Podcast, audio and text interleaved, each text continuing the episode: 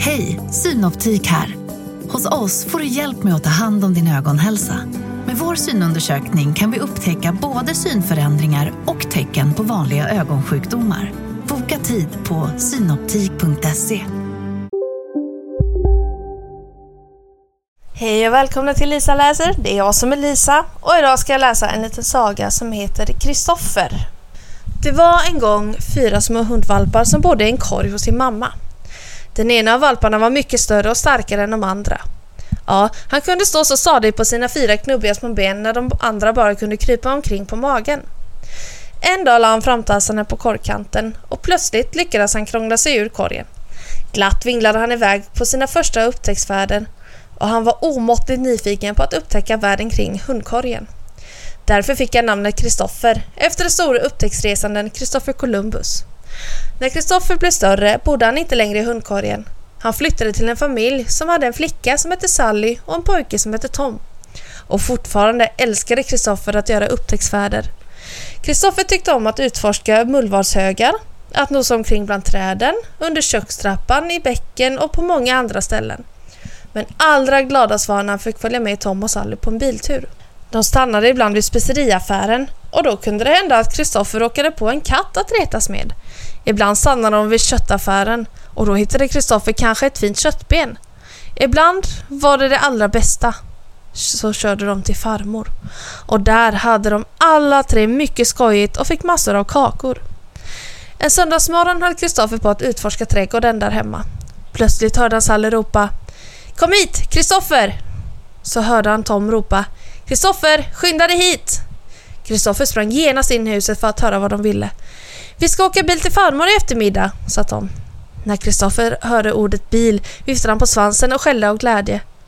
Och nu så ska vi bada dig så du blir ren och fin, sa Sally. Men när Kristoffer hörde ordet bad, nej, då slutade han att vifta på svansen och att skälla. Nej, det gjorde han inte längre av glädje.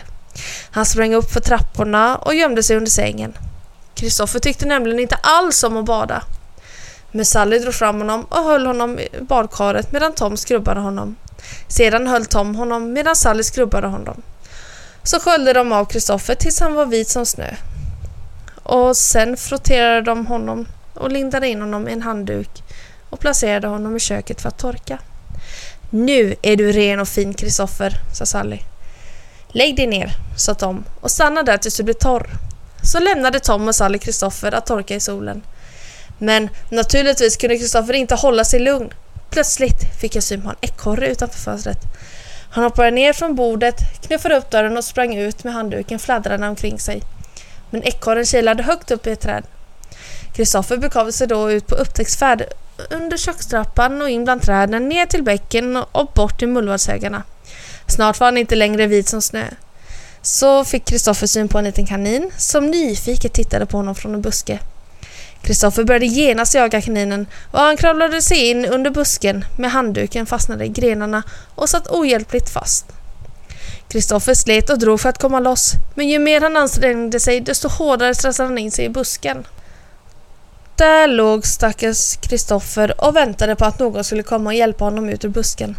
Han låg och tittade på ekorren som hoppade från träd till träd, på kaninen som glatt skuttade omkring och på en mus som kilade fram ur sitt hål.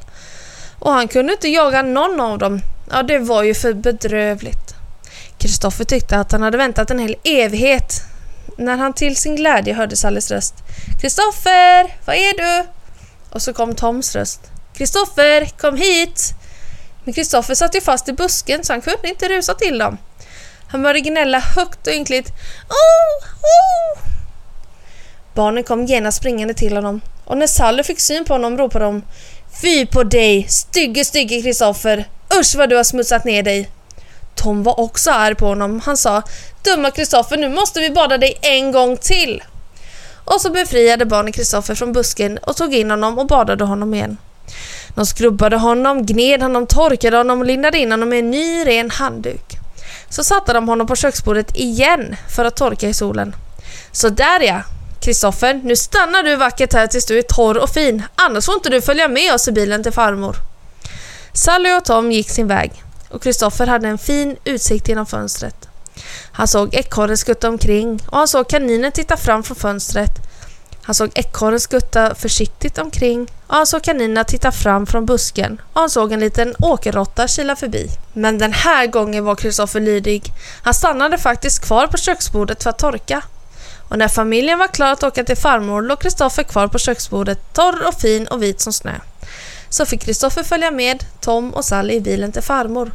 Där de alla tre upplevde nya underbara äventyr och åt massor med kakor. Och snipp, snapp, snut så var denna lilla saga om Kristoffer slut.